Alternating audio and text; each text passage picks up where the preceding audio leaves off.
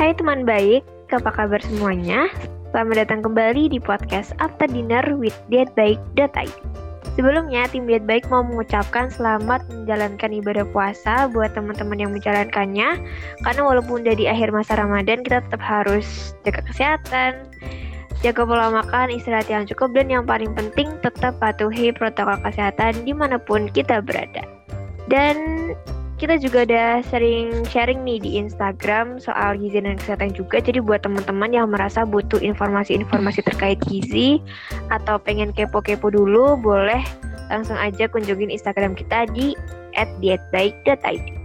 Oke, topik yang dengan kehidupan sehari-hari kita yang mungkin selama ini terkesan sepele gitu kan, tapi ternyata punya efek yang cukup signifikan terhadap kesehatan tubuh. Jadi malam ini kita bakal bahas soal rekomendasi konsumsi gula, garam, dan lemak untuk sehari-hari kita. Nah kan aku Syifa dari Jogja dan malam ini aku udah ditemenin sama teman-teman intern yang lain. Ada Kak Maya di Jogja juga dan ada Kak Catherine dari Lumajang. Apa kabar kakak-kakak? Hai Syifa, kabar baik. baik nih. Gitu. Kalau gitu kita langsung aja mulai pembahasannya kali ya kak. Boleh. Ya, boleh. Oke, kayaknya kita enaknya bahas dari yang paling famous dulu nih. Gimana kalau dari gula dulu? Kira-kira gula tuh yang kayak gimana sih gitu kan? Siapa tahu masih ada miskonsepsi di pemikiran teman-teman gitu. Oke.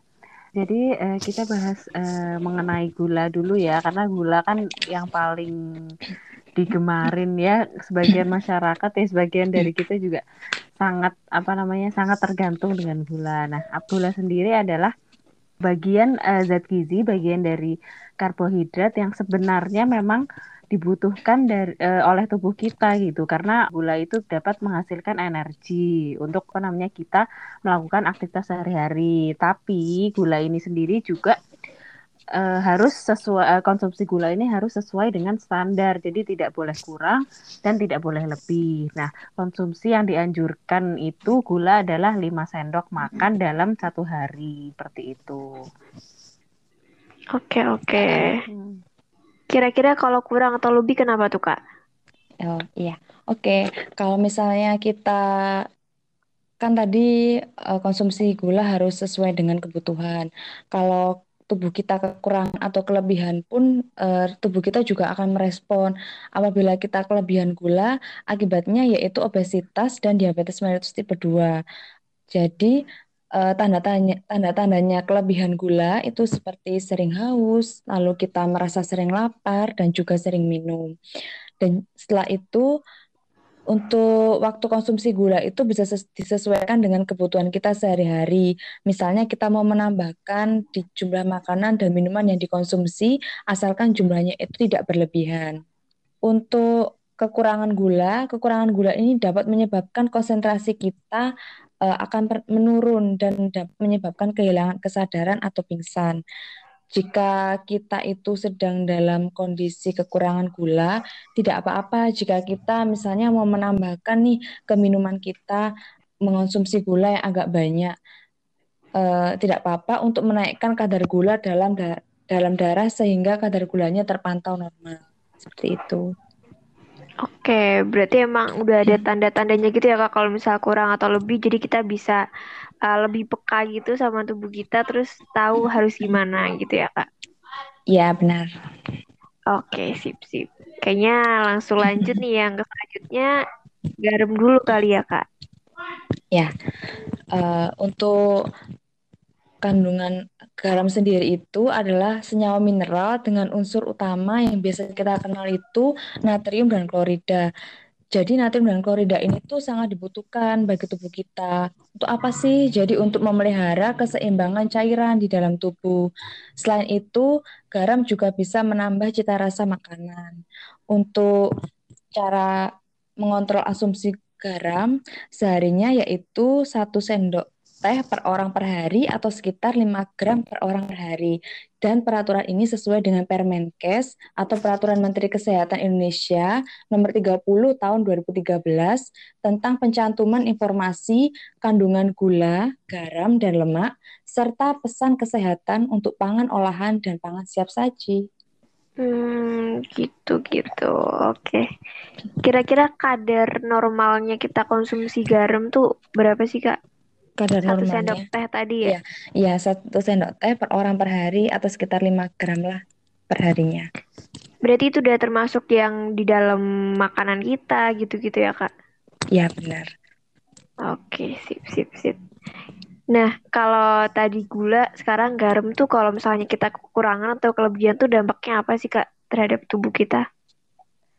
Nah, kalau kita kelebihan garam sendiri, uh, itu bisa berakibat bisa jadi kita ada penumpukan cairan di bagian tubuh tertentu seperti itu. Nah, kalau misalnya apa namanya efek uh, jangka panjangnya, nah tekanan darah tinggi tadi uh, kita bisa terkena tekanan darah tinggi atau hipertensi. Nah, hipertensi sendiri kan termasuk apa ya penyakit yang maksudnya kita kalau misalnya udah kena darah tinggi kan kita uh, harus selalu minum obat ya sampai apa namanya lama. Jadi kalau bisa kita harus menjaga gitu konsumsi konsumsi garam kita. Nah, kekurangan juga tidak tidak baik gitu. Kekurangan kekurangan garam sendiri kita dapat apa namanya keseimbangan cairan itu terganggu, terus tubuh juga dehidrasi dan bisa juga berefek pada nafsu makan kita seperti itu.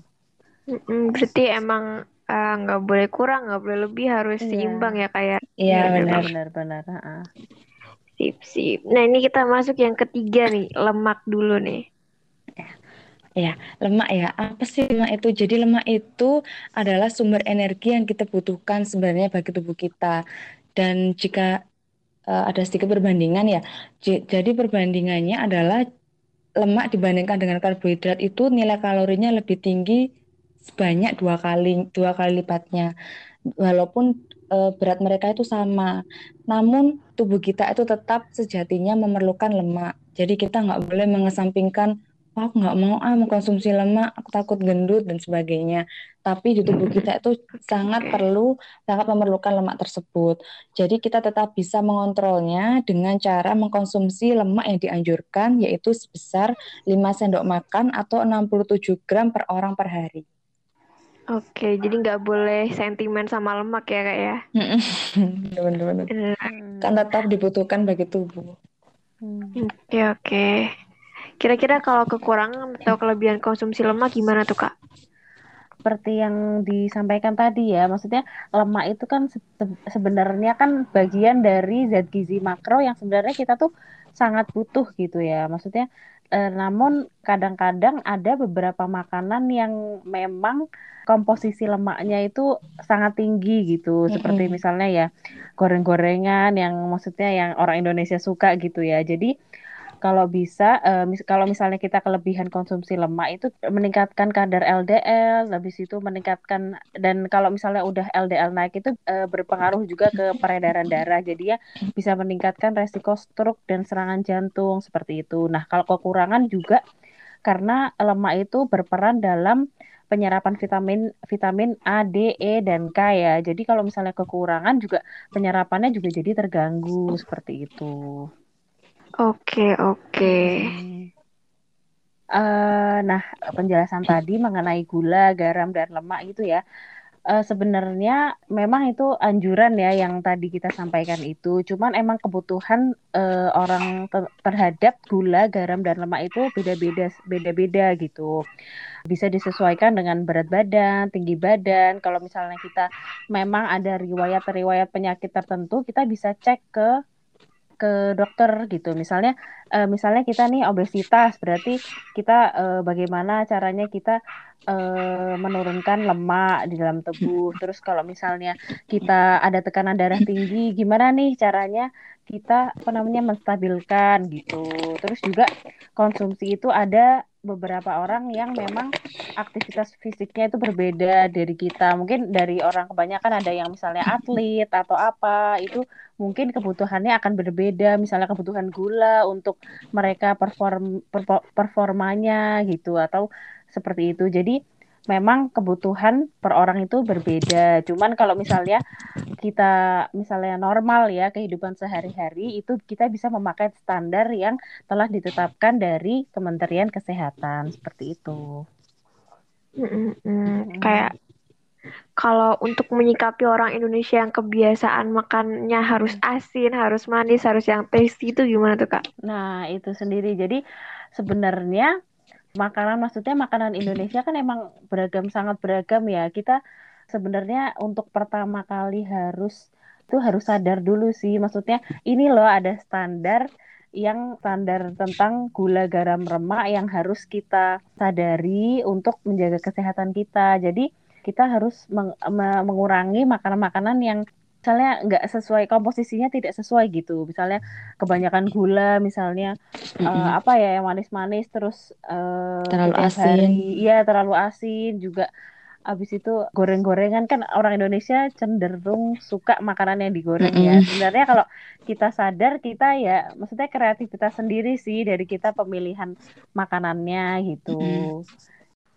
Nah, kalau untuk takaran gula per harinya nih Kak, kan tadi katanya 5 sendok makan per hari. Nah, itu contoh aplikatif sehari-harinya kayak gimana tuh?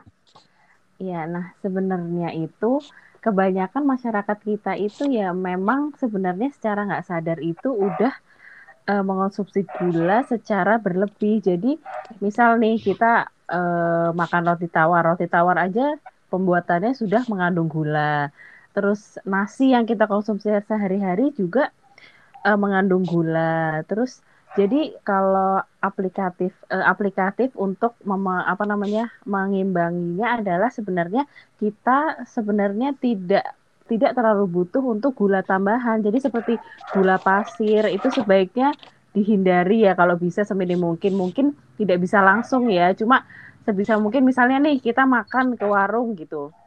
Nah, kita pesannya mungkin bisa es teh tawar, tidak perlu uh, ya kadang-kadang kita maksudnya pengennya es teh manis gitu ya sepertinya. Jadi kalau bisa makan es teh tawar. Jadi sebenarnya gula-gula tambahan ini secara tidak sadar udah dikonsum uh, udah terdapat dari uh, makanan-makanan uh, apa namanya yang kita konsumsi sehari-hari. Jadi sebaiknya kita tidak menambah gula lagi apalagi yang minuman ya. Kalau minuman kan seperti ini misalnya uh, teh instan itu kan sebenarnya sangat manis ya maksudnya kalau uh, membuat adiktif gitu jadi kita uh, kalau misalnya makan apa terus minumnya misalnya teh instan gitu jadi kalau hmm. bisa kayak slogan itu, ya kak ya iya jadi kalau bisa dikurangin kayak gitu Oke oke, mm -hmm. kalau gitu kita langsung lanjut aja nih kak, kayaknya mm -hmm. ke pembahasan yang selanjutnya nih. Mm -hmm.